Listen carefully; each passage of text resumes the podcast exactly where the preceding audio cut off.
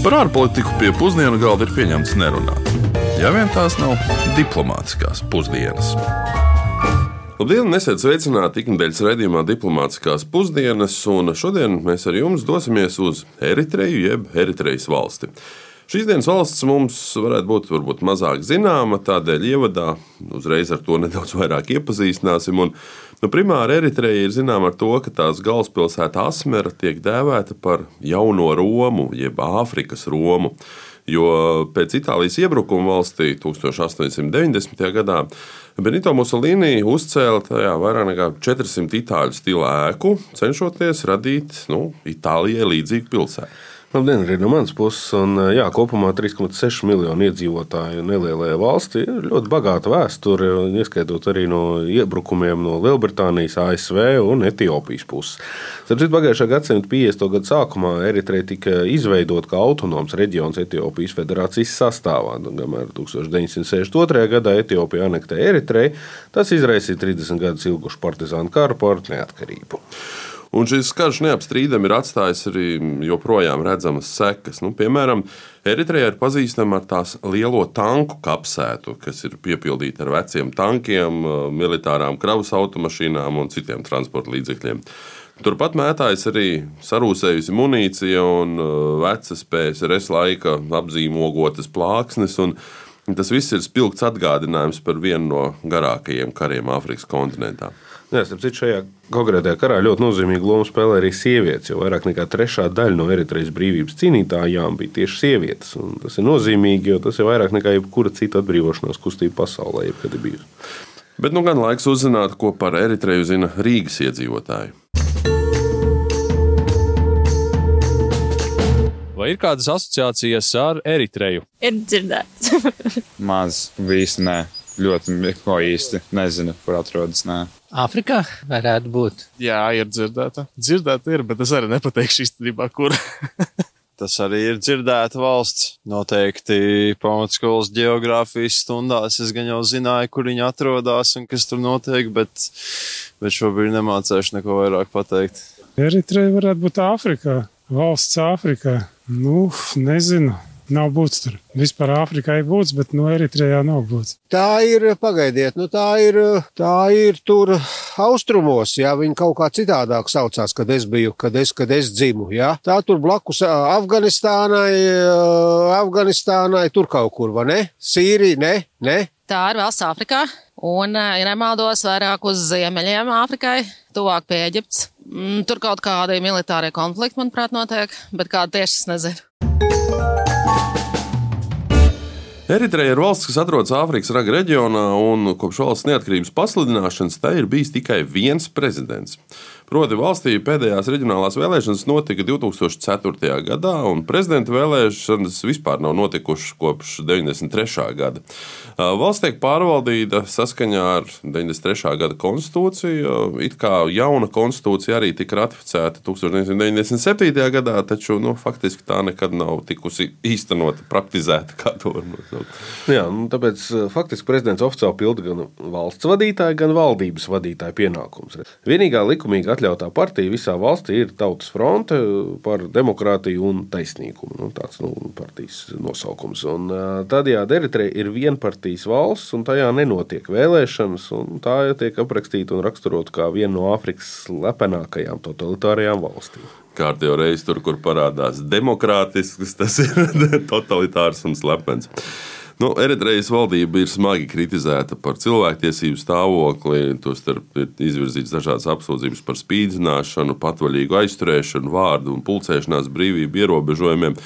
Un šeit gan gribētos iesprāst kādu interesantu piezīmi par to, ka, nu, neskatoties par šiem visai bēdīgiem cilvēktiesību un demokrātijas rādītājiem, valsts īpaši izceļas, piemēram, ANO drošības padomē, kur ļoti bieži balso pret ANO cilvēktiesību rezolūcijām. Nu, piemēram, vēl marta sākumā Eritreja bija viena no retajām valstīm, kas ANO balsojumos atbalstīja Krieviju. Nu, tās īstenotā Ukraiņas kara apstākļos.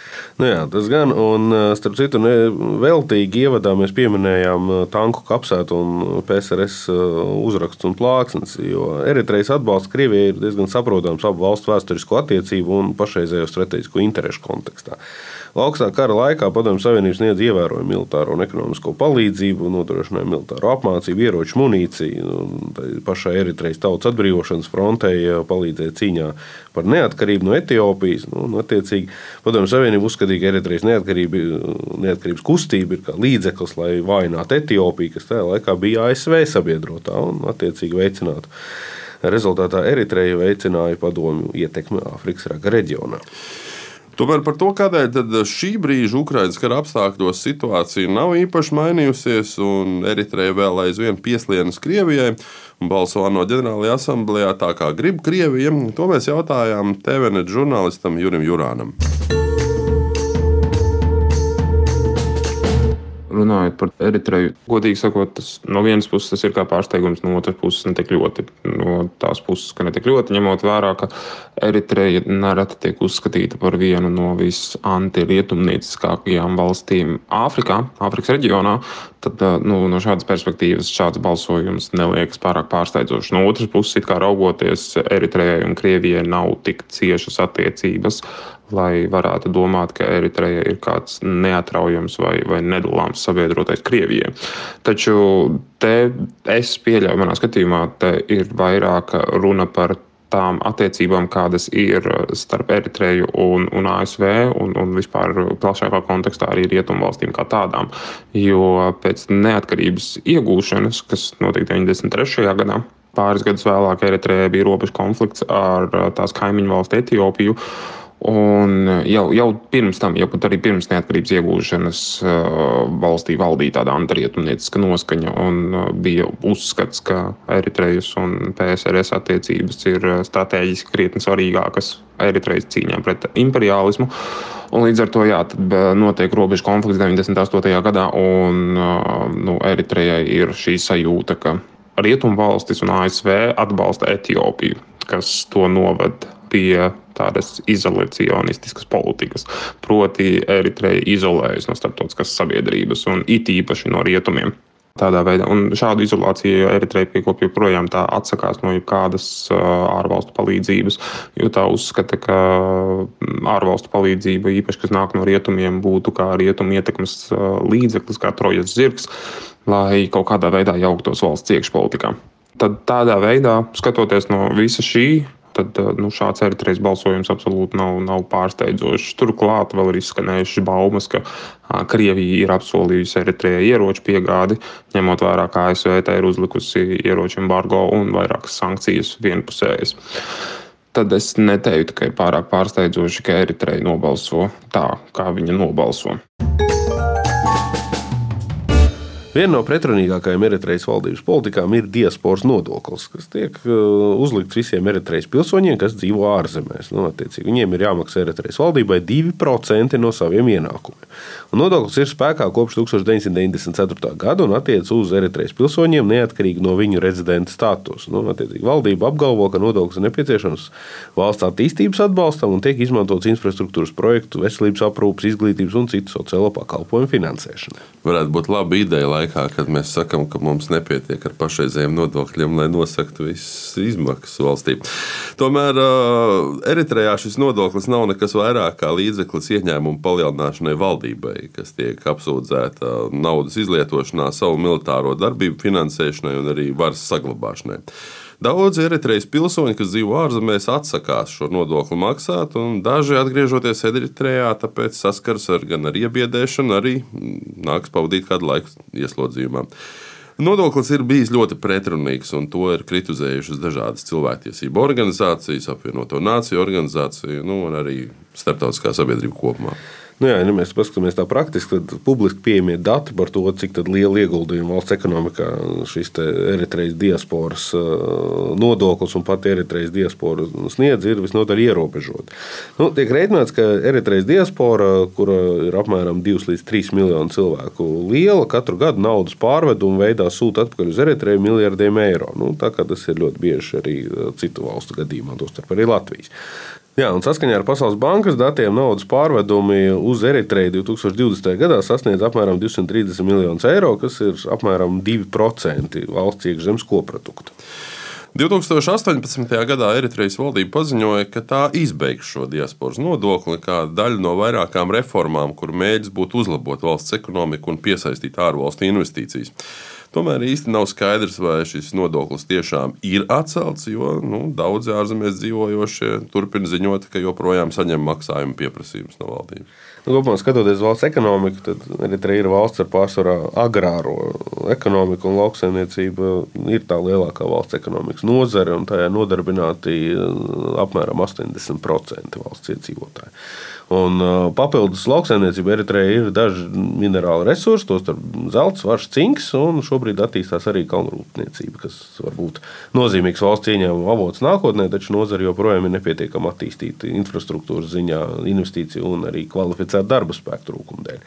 Pēdējos gados valdība gan ir centusies piesaistīt ārvalstu investīcijas kalnrūpniecībai, un vairāk starptautiski uzņēmumi ir pat izrādījuši interesi par Eritrejas derīgo izrakteņu izpēti, bet nu, tas šobrīd vēl ir tikai izstrāžu stadijā. Jā, un um, līdz ar to, neskatoties uz šo potenciālu, Eritreja joprojām ir viena no nabadzīgākajām pasaulē. Papildu cilvēktiesību situāciju valstī, arī politisko brīvību trūkums padara to par ļoti sarežģītu vietu uzņēmēju darbībai, un arī ārvalstu investīcijas materializējas ļoti lēni. Rezultātā IKP uz vienu iedzīvotāju pēc pirktspējas paritātes ir tikai 1200 eiro liels. Tas ir aptuveni 34 reizes mazāks rādītājs nekā Latvijai. Lai cik būtu paēdis, vienmēr ir vieta arī desertam. Tagad ir laiks, kā ierasts, pienācis arī desertam, un šoreiz parunāsim par ko vieglāku un gardāku, par to, ar ko Eritreja ir labi pazīstama. Tā ir varenā kafijas kultūra, kas gadsimtiem ilgi bijusi nozīmīga valsts sociālo un kultūras tradīciju sastāvdaļa. Eritrejas kafija parasti tiek pagatavota izmantojot tradicionālu metodi, kas ietver kafijas pupiņu grauzdēšanu uz oglēm. Pēc tam tās samaļ un vāra kafiju tādā tradicionālā kolbā, kas izgatavota no keramikas tiek izmantota tikai kafijas pagatavošanai. Šāds process piešķir kafijai tādu unikālu dūmu garšu. Eritrejas kafija bieži tiek pasniegta kopā ar popkornu, kas ir grauzdēts un arī sālīts. Viens interesants fakts par eritrejas kafiju vēl ir tas, ka to parasti pasniedz mazās tasītēs, kas ir zināmas kā demitase un ir paredzēts koncentrēts kafijas glāzes noturēšanai. Tas ir pretstatā ar citām kafijas kultūrām, piemēram, protams, ASV un Eiropā, kur kafija bieži tiek pasniegta lielākās krūzēs, bļodās un šādas krūzītes. Eritreja ir arī mazāk par espreso krūzītēm. Nu, Papildus šim unikālajai garšas profilam, Eritrejas kafija ir pazīstama ar savu augsto kvalitāti. Un, uh, Eritrejā tiek uh, audzētas uh, nu, vienas no labākajām arabikas kafijas pupiņām pasaulē. Tās tiek augstu novērtētas sarežģīto un niansēto garšu dēļ, un, un, un valsts unikālais reliefs un augšanas apstākļi ir sekmējuši augļu ziedu, arī riekstu garšu ar šokolādes piegaršas kafijai.